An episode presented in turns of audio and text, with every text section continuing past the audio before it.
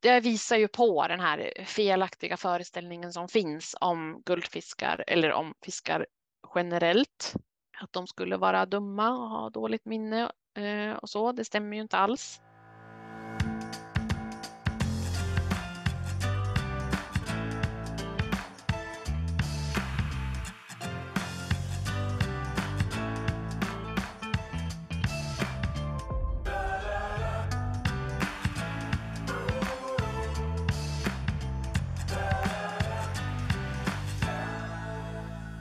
Du lyssnar på Djurens Rätts podcast på Djurens Sida. Du har väl inte missat att prenumerera på vår podcast? Då missar du aldrig när ett nytt avsnitt släpps i din poddapp. Det här är Djurens Rätts podd. Och vilka är då Djurens Rätt? Djurens Rätt arbetar globalt för att göra skillnad för de djur som är flest och har det sämst. Det har vi gjort sedan 1882. Med våra målinriktade kampanjer, företagssamarbeten och politiska påverkansarbeten är vi en av världens ledande djurrätts och djurskyddsorganisationer med fler än 50 000 medlemmar i Sverige. Vi är helt finansierade av Djurens Rätts medlemmar, så stort tack till dig som är medlem och gör vårt arbete för djuren möjligt. Välkomna till ett nytt avsnitt av Djurens Rätts podcast på Djurens Sida. Jag som pratar heter Linn Åkesson och är kommunikationschef hos Djurens Rätt. Och i dagens avsnitt så kommer jag att prata med Linda Björklund, sakkunnig etolog hos Djurens Rätt, där vi ska gå in på de djur som bokstavligt talat går under ytan, nämligen fiskarna. Vi kommer även i slutet att ta in några frågor från er lyssnare som ni har skickat in via sociala medier. Och jag är så spänd att få prata med Linda och få lära mig mer om fiskarna så jag tycker att vi kör igång direkt.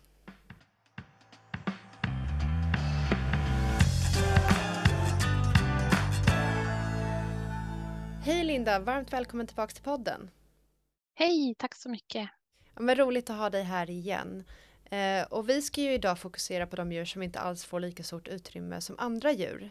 Och det är ju de djuren som oftast glöms bort, nämligen fiskarna. Vill du börja med att berätta varför Djurens Rätt fokuserar på fiskarna? Varför är det så viktigt? Ja, ehm, det är ju så som du säger att fiskarna de glöms ofta bort och prioriteras ner. Det finns ju en eh, föreställning om att Ehm, de är inte så viktiga, att de inte riktigt är djur som andra djur kan man nästan få känslan av att eh, det finns en sån föreställning. Men det är de ju. Ehm, de är ju levande kännande individer precis som, precis som vi och eh, precis som grisarna, kycklingarna, hundar och katter. Och de är också väldigt, väldigt många. Ofantligt många är de. Vi kommer att komma in på det mer senare tror jag djurskyddsproblemen, djurvälfärdsproblemen, de är väldigt stora i både fisket och i uppfödningarna av fiskarna. Så det är, ja, det är därför vi fokuserar på dem. De är, eh, de är flest och har det sämst. Mm. Kan du berätta lite hur fiskarna egentligen har det? Vilka, vilka är de här djurskyddsproblemen som finns? Ja, men dels har vi ju fisket, det kommersiella fisket, där fiskar fiskas upp, där de fångas från det vilda. Och eh, de fiskarna, de drabbas ju av själva eh, fångsten, av hur de hanteras i samband med fångst och efter fångsten. Det vanligaste sättet som fiskar dör på i fisket, det är att de kvävs i luften efter att de har tagits upp eller att de dör i samband med att de eh, strupskärs eller rensas sen eh, när de fortfarande är vid medvetande de omfattas ju inte ens av eh, den svenska djurskyddslagen. Så det är lagligt att hantera dem på det här sättet. Sen, eh, förutom det kommersiella fisket, eh, så har vi ju uppfödningen av fiskar. Där fiskar föds upp och slaktas, precis som grisar och kycklingar och andra djur föds upp och slaktas i djurfabrikerna. De drabbas också av hantering, av själva hållningen, brister i hållningen och, och hanteringen och också dålig, bristfällig eller ingen alls eh, bedövning i samband med slakt eh, och, och, det som är kopplat till det. Mm. Ja, och du är inne på det här för att en föreställning som jag tror att många har är att fiskarna som äts, de fångas ju upp i det vilda. Men som du säger så finns det ju även djurfabriker för fiskar. Vill du berätta lite hur, hur ser de här ut? Ja, det är ju fiskar då som, som hålls i eh, så kallade öppna nätkassar kan man säga. Ehm, det, det är det vanligaste. Men det förekommer också uppfödning i, i dammar, i bassänger eller i mindre tankar uppe på land. Så att eh, den här uppfödningen eh, i tankar eller bassänger eller så, de är mer i, i slutna system. De kallas för RAS, eh, recirkulerande akvakultursystem betyder det. Det planeras eh, eh, flera stora uppfödningar av lax i sådana system. Planeras eller är i uppstartsfasen i Sverige just nu. Eh, och det, man, ja, men jag, det, det jag vill tillägga är också att den här sortens uppfödning eh, av djur, av fiskar, det ses ju på som en framtidsbransch. Från politiskt håll så är det någonting som man eh, satsar på och eh, man vill se att den, att den växer. Ja, men det, det låter ju helt galet. Att det är helt fel väg att gå. Vi behöver ju inte ha fler djurfabriker utan de måste ju bli färre. Eh, så det låter ju galet att satsa mer pengar på det här. Men eh, ja, hur många fiskfabriker finns det i Sverige idag? Det finns omkring omkring 50 eh, så kallade matfiskanläggningar i Sverige idag, alltså uppfödningar där fiskar hålls eh, tills de ska slaktas. Och så finns det ungefär lika många sättfiskanläggningar och det är där de, eh, de unga fiskarna de föds upp först då eh, för att sen antingen eh, sättas ut i det vilda. Det görs ju till exempel för att kompensera för eh, vattenkraft eh, eller så sätts de ut i det vilda för att eh, man vill öka antalet fiskar som ska fiskas då på den platsen. Eller så transporteras de från sättfiskanläggningarna till de här matfiskanläggningarna som de kallas, där de sen då föds upp och tills de ska slaktas helt enkelt. Och jag håller med, det är verkligen Eh, helt fel väg att gå av den anledningen som du säger att vi inte behöver ha fler djurfabriker. Eh, det är också en galen utveckling med tanke på eh, hur det ser ut idag vad gäller lagstiftning till exempel, de stora bristerna eh, som finns där. Eh, det saknas till stor del djurskyddslagstiftning för hantering och, och hållning och slakt av fiskar idag. Så att det, ja, det saknas också en, en hel del eh, kunskap så det, det behövs också mer, mer forskning eh, på det här området och ändå så satsar man på att den ska växa snabbt. Det borde vara i omvänd ordning. Man behöver relevant lagstiftning och kunskap innan man eh, satsar på att någonting ska växa.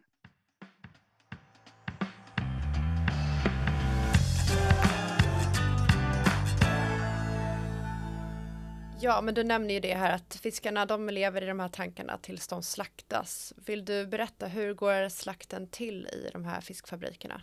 Mm.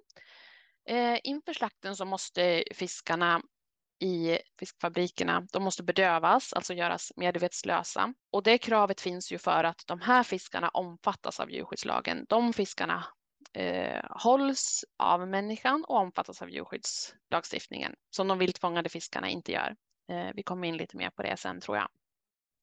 Men det finns ett krav på att eh, göra dem medvetslösa innan avblodningen.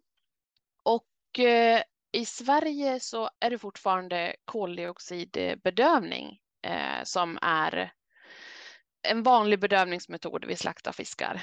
Precis som för grisar så bedövar man alltså fiskar med koldioxid. Och eh, ja, det är värt att nämna att den här metoden den är alltså laglig trots att man vet att den har väldigt allvarliga eh, problem djurskyddsmässigt för fiskarna, precis som för grisarna. I Norge har, har det varit förbjudet med koldioxidbedövning vid fiskslakt ända sedan 2012.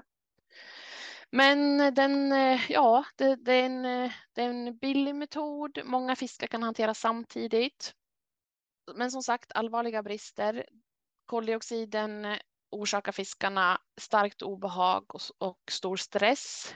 De försöker fly från det här eh, koldioxidmättade eh, karet. Det ser ut som att de är bedövade. De ser eh, medvetslösa ut. De är orörliga alltså. Men man vet att de kan i själva verket vara vid medvetande. Många är det. Och, och därför är risken stor att eh Eh, fiskarna utsätts för avblodningen och urtagningen, alltså själva slaktprocessen då, medan de fortfarande är vid fullt medvetande. Och det är ju helt eh, eh oacceptabelt och ja, verkligen grymt. Så den här metoden, den är ju sedan länge konstaterad att inte vara en bra bedövningsmetod för fiskar. Eh, och det har konstaterats flera gånger. För bara några år sedan så var det uppe igen här från SLUs vetenskapliga råd för djurskydd. Eh, de kom med ett yttrande där de konstaterar just det att eh, användning av koldioxidgas inte är en etiskt acceptabel metod för bedövning eller avlivning av fiskar. Men tyvärr så, så är den kvar fortfarande och det här är någonting som vi jobbar för att den ska förbjudas. Det behövs också, behövs också mer forskning på det här området. Och då menar jag framför allt om bättre metoder. Man behöver alltså inte mer forskning om, det liksom råder inga tveksamheter i om koldioxidbedövning är bra eller dåligt. Det vet man redan att, att den är dålig. Och man vet att eh, elbedövning och slagbedövning det är andra metoder alltså. Eh, och de kan ge eh, bra effekt om de utförs på rätt sätt. Det är jätteviktigt att, att metoderna är, är utvärderade eh, vetenskapligt, alltså validerade i forskning. Eh, det har man sett i forskning att man, det räcker inte att bara titta på fisken om den är medvetslös eller inte, alltså efter bedövningen, utan man, man behöver ha validerat den här metoden där man tittar på hjärnaktivitet hos fisken för att verkligen veta att den är medvetslös och att medvetslösheten håller i sig tillräckligt länge. Ja, det kan låta lite invecklat kanske, men eh, det viktiga är att, skulle jag säga, att det är bra att veta det, att koldioxidbedövning, den är fortfarande tillåten och den används eh, och det vill vi få bort. Ja men verkligen. Och du nämner ju det här att i Norge så har ju det här varit förbjudet i tio år redan. Hur kan Sverige vara så långt efter? Ja, det, alltså att, att det här kan fortfarande ske och pågå år efter år efter år. I grunden så skulle jag säga att det har att göra med att de här frågorna inte har prioriterats.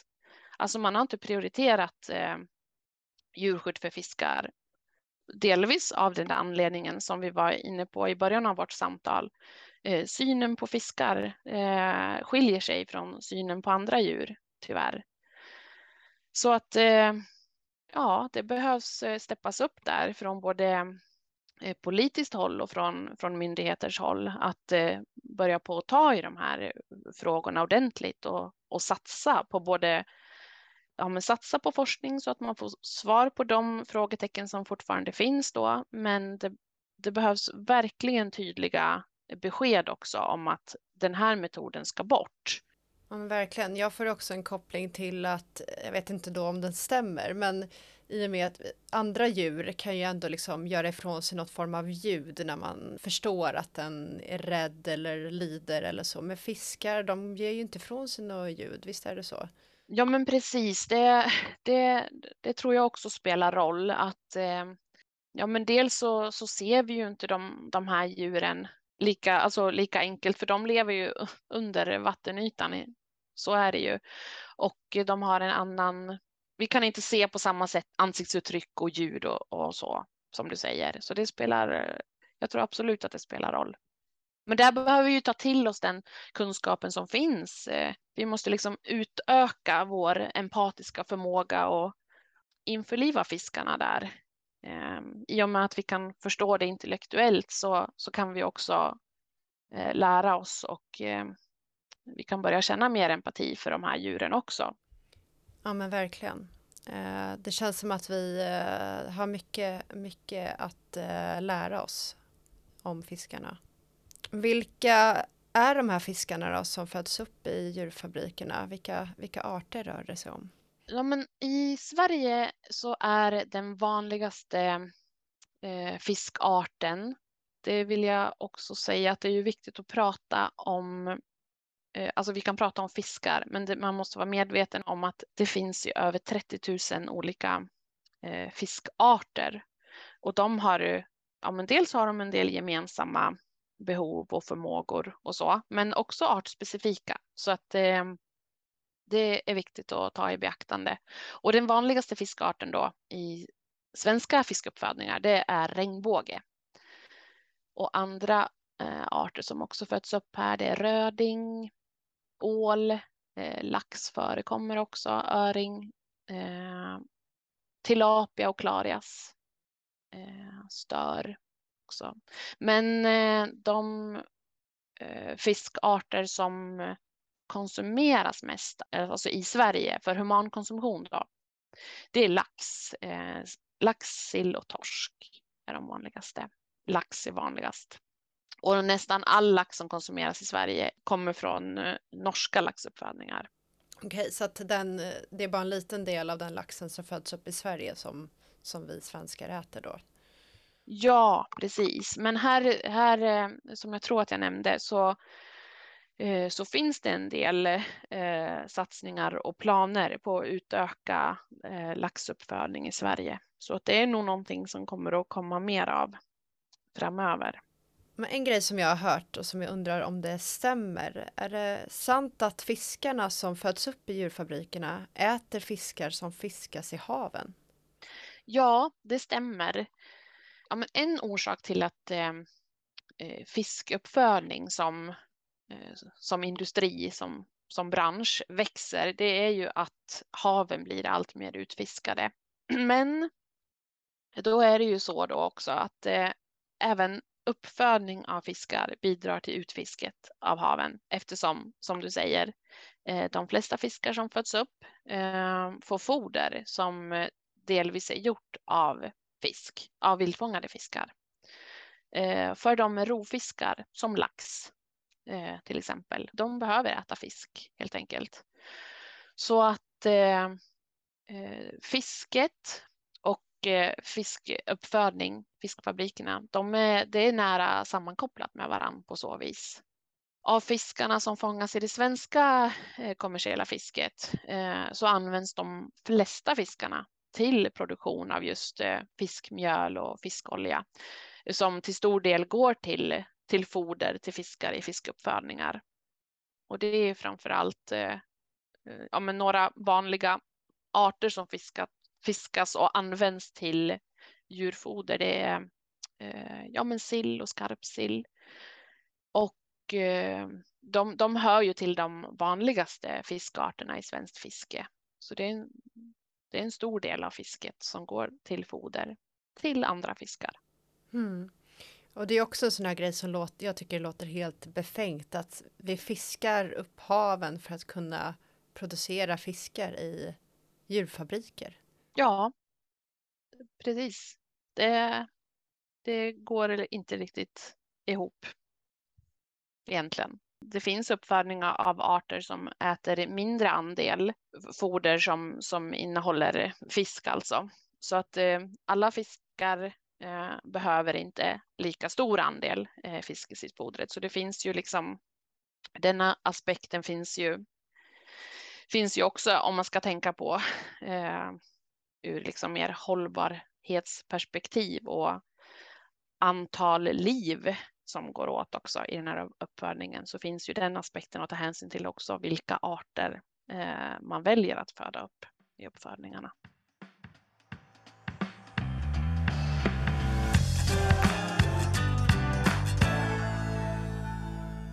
Ja, men det låter ju som att det finns mycket att göra för att förbättra. Eh, vilka förslag har Djurens Rätt? Vad är det vi vill förändra?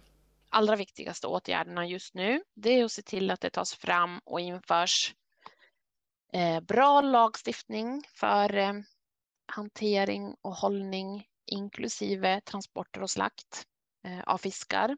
Och det behövs både i Sverige och eh, på EU-nivå. Och på EU-nivå så är det ju väldigt aktuellt just nu. Eh, e EU-kommissionen ser ju över djurskyddslagstiftningen och där vill vi och många med oss och vi jobbar för det, att eh, fiskarna ska med i den här revideringen och att det ska tas fram eh, relevant djurskyddslagstiftning för fiskar. Och i Sverige så ser Jordbruksverket över sina slaktregler just nu. De ansvarar ju för de mer detaljerade reglerna som hör till lagstiftningen. Och där eh, jobbar vi också för att det ska införas eh, regler om eh, slakt av fiskar eh, och vi vill se ett, eh, bland annat ett förbud mot koldioxidbedövningen. Eh, nästa punkt, ja det behövs också mer satsningar på forskning för att eh, öka kunskapen om vad som är viktigt att ta hänsyn till när det gäller djurvälfärd för fiskar. Det sa jag inte, men lagstiftningen måste också vara artspecifik, anpassad till den art det gäller och börja med de arterna som är vanligast i uppfödningen idag, helt enkelt. En annan viktig punkt det är att eh, märkningar, alltså certifieringar eh, av fiskprodukter måste börja på, alltså de måste börja på att ta hänsyn till eh, djurvälfärd i sina fiskkriterier också. Det gör de oftast inte idag. Sen vill vi också se ett Eh, så kallat europeiskt referenscenter för fiskvälfärd. Det finns eh, sådana center för en del andra djurslag idag och eh, det är dags för ett sådant när det gäller fiskar. Sen har vi också frågan om upphandling, alltså offentlig upphandling av mat. Där har ju Upphandlingsmyndigheten kriterier som handlar om djurskydd och idag så saknas det kriterier som handlar om eh, djurvälfärd för fiskar i deras kriterier. Så det är någonting som vi också vill se att det införs så att det blir lättare så att man kan börja eh, ställa djurskyddskrav också i upphandling av produkter som kommer från fiskar. Så det är exempel på frågor som vi jobbar för och tycker är väldigt viktiga just nu. Ja men verkligen. Eh, och vi har ju nyligen skrivit ett så kallat white paper. Vill du berätta vad, vad innebär det? Ja, men det är, ett, eh, ja, men det är en sammanställning som vi har eh, skrivit över, eh, över problemen inom fiskuppfödning och till viss del också fisket och våra förslag på lösningar. Så i det dokumentet så presenterar vi våra förslag på åtgärder som behövs för att öka djurskyddet och djurvälfärden för fiskar. Ja, men vi har varit inne på det här att de vilda fiskarna inte täcks av djurskyddslagstiftningen. Men hur ser eh, lagstiftningen ut för de fiskar i djurfabrikerna idag? Ja, de omfattas av djurskyddslagstiftningen. Eh, och Jordbruksverket har föreskrifter idag om uppfödning av fiskar i vattenbruk. Eh, men de har inte föreskrifter om slakt av fiskarna och de här föreskrifterna som finns om, om hållningen och uppfödningen som, som inte omfattar själva slakten då, eh, de är inte så omfattande. De behöver också eh, utökas. Eh, och som jag sa så behöver det också tas fram föreskrifter om slakten. Idag när det gäller slakten så det som gäller det är de här mer generella skrivningarna som finns i, eh, i djurskyddslagen och i djurskyddsförordningen eh, som säger att, eh, att djur ska slippa onödigt obehag och lidande i samband med slakt och att eh, bedövning före slakt ska ske så att djuren snabbt blir medvetslösa och att medvetandet inte får återkomma då. Och eh, ja, men de omfattas ju också av eh, eh djurskyddslagstiftning som finns på EU-nivå, men där finns det heller inga, eller det finns inga detaljerade regler där, utan också bara eh, generella skrivningar då. Ja, och eh, jag tänker på de eh, produkter som säljs i butik idag har ju oftast olika certifieringar. Är det en garant för att de här fiskarna har haft, haft det bra i livet? Nej, det är de tyvärr inte, eh, utan de märkningar som, som finns på fiskprodukter eh, från fiskar, eh, de är ju framför allt eh, hållbarhetsmärkningar. Eh, och de inkluderar oftast inte djurvälfärd. Eh, de, alltså hållbarhet, egentligen djurvälfärd är en viktig del av hållbarhet. Eh, så är det, men eh, än så länge så är djurvälfärd inte en del av, av de vanligaste märkningarna när det gäller produkter från fiskar. Och det här är någonting som vi eh, jobbar för att förändra, eh, Djurens Rätt. Vi samarbetar ju med eh, andra organisationer inom ett nätverk som heter Aquatic Animal Alliance. Och i det arbetet så, så handlar det om att få eh, certifieringar att eh, anta viktiga kriterier om djurvälfärd. Och det handlar framförallt om eh, fem delar. Eh, dels foder eh, och eh, ja, men fodrets sammansättning, eh, vattenkvalitet, miljöberikning, alltså berikning av den miljön, uppfödningsmiljön som fiskarna hålls i för att de ska ha större möjligheter till naturligt beteende. Utrymme och djurtäthet är en av punkterna och eh, sist men inte minst bedövning och slakt. Så det är, eh, det är någonting som, som vi prioriterar och jobbar för. Ja, men fiskar räknas ju inte i antal individer idag utan de räknas ju i kilo. Varför är det så egentligen? Ja, jag skulle nog säga att till viss del har det att göra med eh, det som jag var inne på redan, synen på fiskar som något annat än djur, som, ja, men som en råvara eh, som man ser i antal ton istället för antal individer. Det handlar ju om så otroligt många individer så det skulle också det skulle krävas en insats för att räkna varje individ, i alla fall i, i fisket, i det kommersiella fisket. Där rör det ju sig om, alltså det finns ju bara uppskattningar eftersom statistiken från, från uppfödningen, från fångst och från slakt i uppfödningarna eh, inte säger hur många individer det är, som du sa.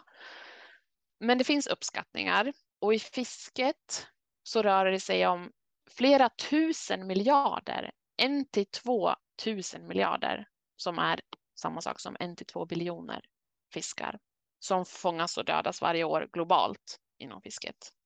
Det, det är så stora siffror så att ja, de, är, de är svåra att, att ta in. Runt 150 till 200 000 ton fiskar dödas årligen i det svenska fisket, i det kommersiella fisket. Och det motsvarar flera miljarder individer, bara i, i det svenska fisket alltså.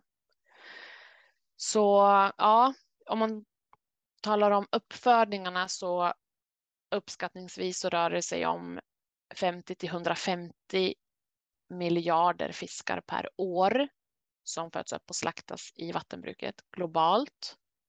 Och det kan jämföras med omkring 70 miljarder Eh, landlevande djur i djurfabrikerna, kycklingar, grisar och andra djur eh, som slaktas i världen per år.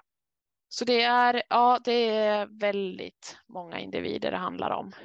5 till 10 miljoner fiskar som föds upp och slaktas i det svenska vattenbruket, i de svenska fiskuppfödningarna varje år är också en, en uppskattad siffra.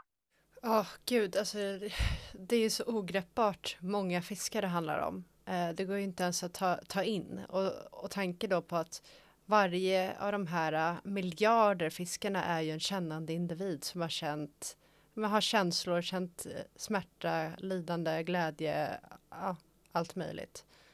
Ja, precis. Det är, det är svårt och det är tungt och det är absolut, det är ingenting positivt alls i att det är så många individer det handlar om. Men det motiverar oss att, att jobba för fiskarna. Att det, får så, att det får effekt för så väldigt många individer.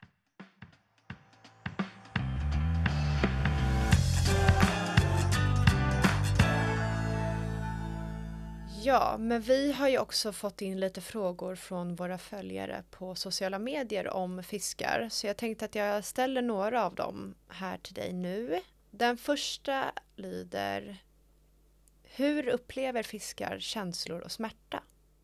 Ja, eh, jo men det vet man ju idag att de gör eh, först och främst. Och om man ska tala om lite mer hur så är det ju så att eh, fiskar har, de har precis som, som däggdjur, både de har nervceller som tar emot smärtsignaler, eh, så kallade smärtreceptorer. Och så har de också ett Eh, centralt nervsystem som kan behandla den informationen.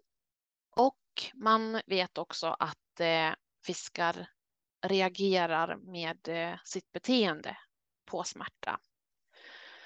Och det här tillsammans, det ses idag som, som bevis för att fiskar kan känna och uppleva smärta. Man har bland annat gjort försök, man har, ja, grymma försök handlar det om. Ett exempel är att man har injicerat bland annat ättiksyra i läpparna på regnbågslaxar, eh, regnbåg, regnbågsfiskar. Och då visade de tydligt att de var påverkade av det genom att de, de skrapade sin mun mot botten eh, och vaggade lite fram och tillbaka. De eh, åt inte, de lät bli att äta och de, andningen var snabbare.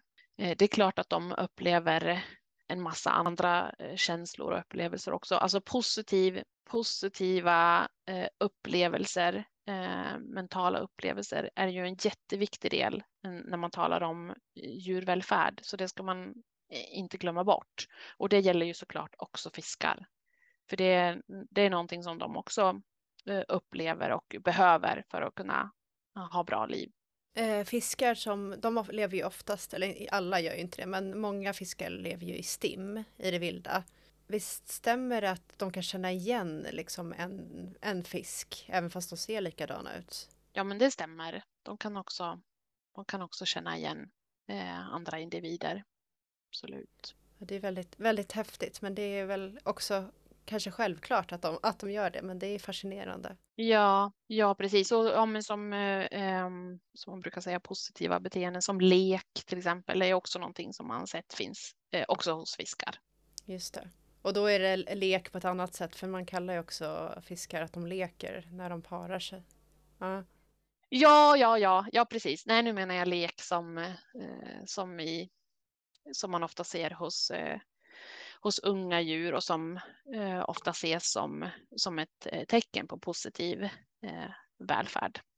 Ja, men intressant att, att få veta. Eh, en annan fråga vi har fått in är hur andas fiskar?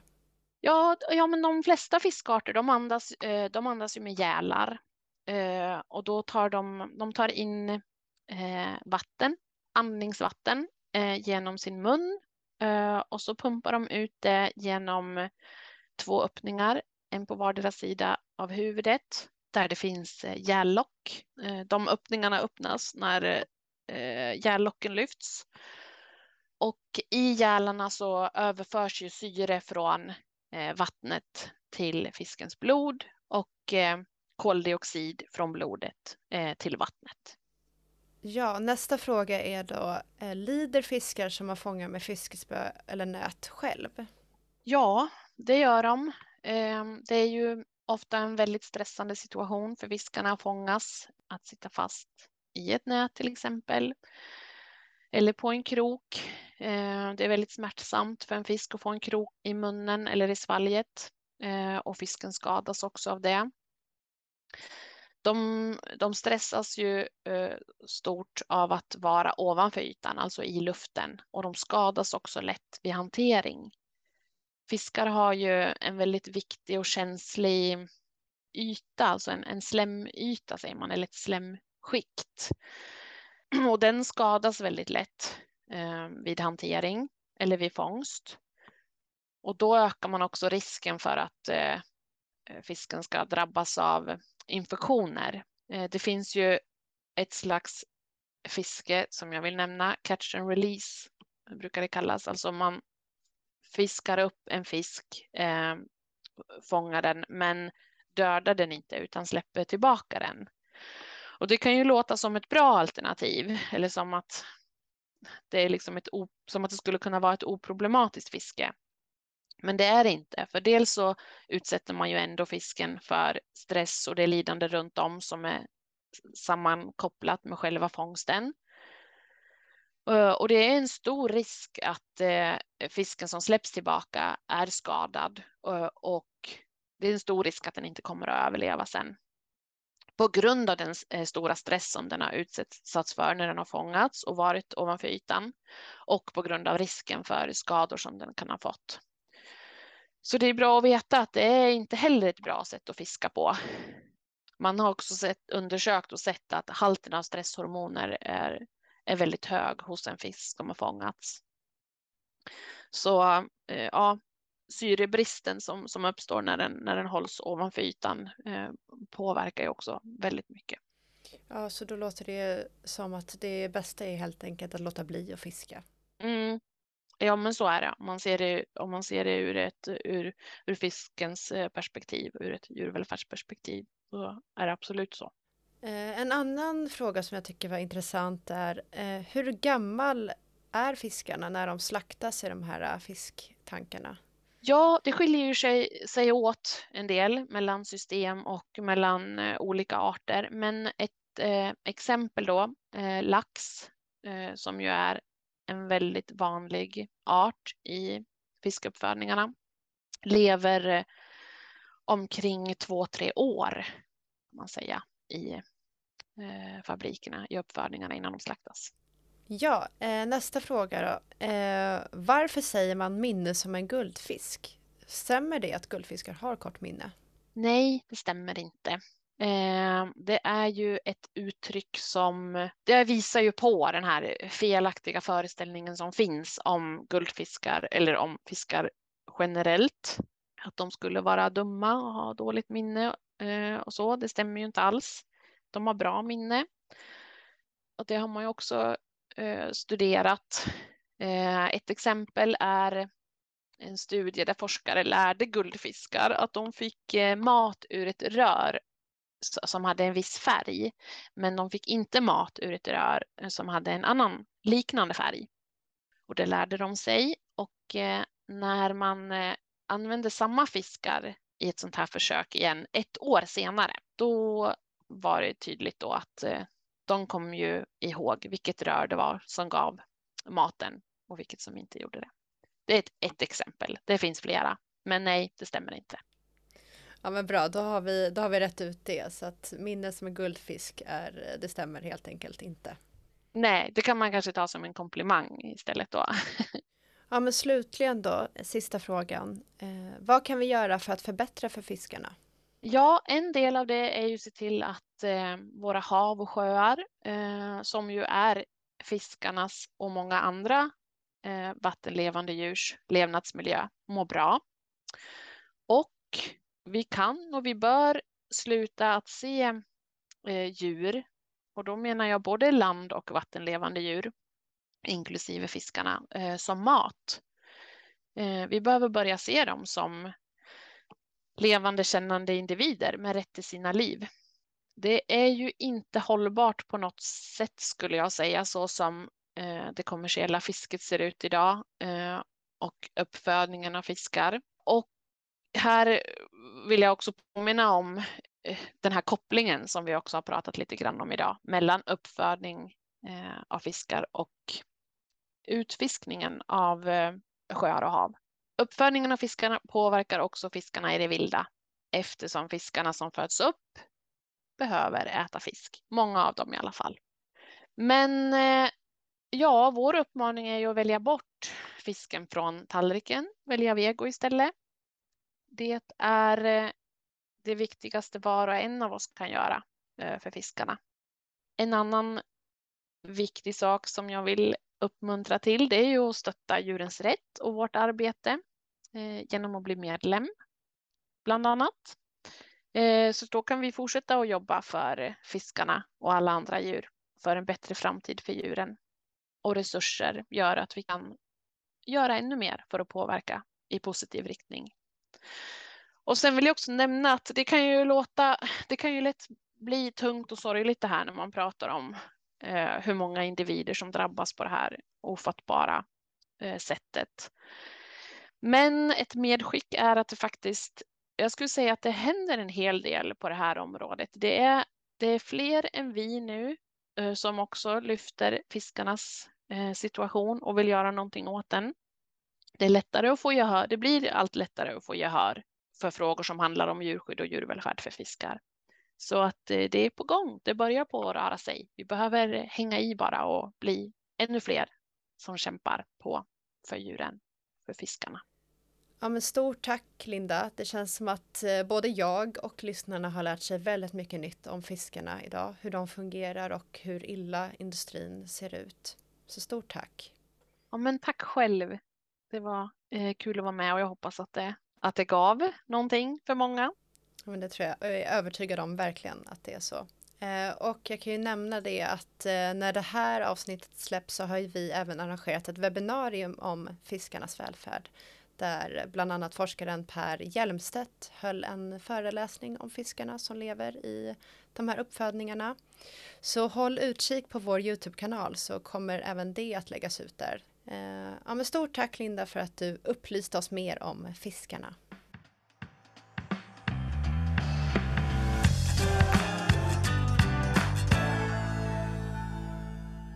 Det var allt vi hade att bjuda på idag. Och jag vill även säga att det som vi har pratat om idag går även att läsa om i vår nya rapport 10 åtgärder för ett stärkt djurskydd och ökad djurvälfärd för fiskar. Den finns på djurensrätt.se. Gillar du vår podcast så se till att du prenumererar på podden. Då missar du aldrig när ett nytt avsnitt släpps i din poddapp. Och till sist så vill jag såklart tacka dig som har lyssnat idag. Det är ju tack vare våra månadsgivare som vi kan fortsätta göra skillnad för de djur som är flest och har det sämst. Och vi behöver din hjälp mer än någonsin. Gå in på www.djurensratt.se medlem och bli månadsgivare idag. Ha det fint tills vi hörs nästa gång och tack för att du står på djurens sida.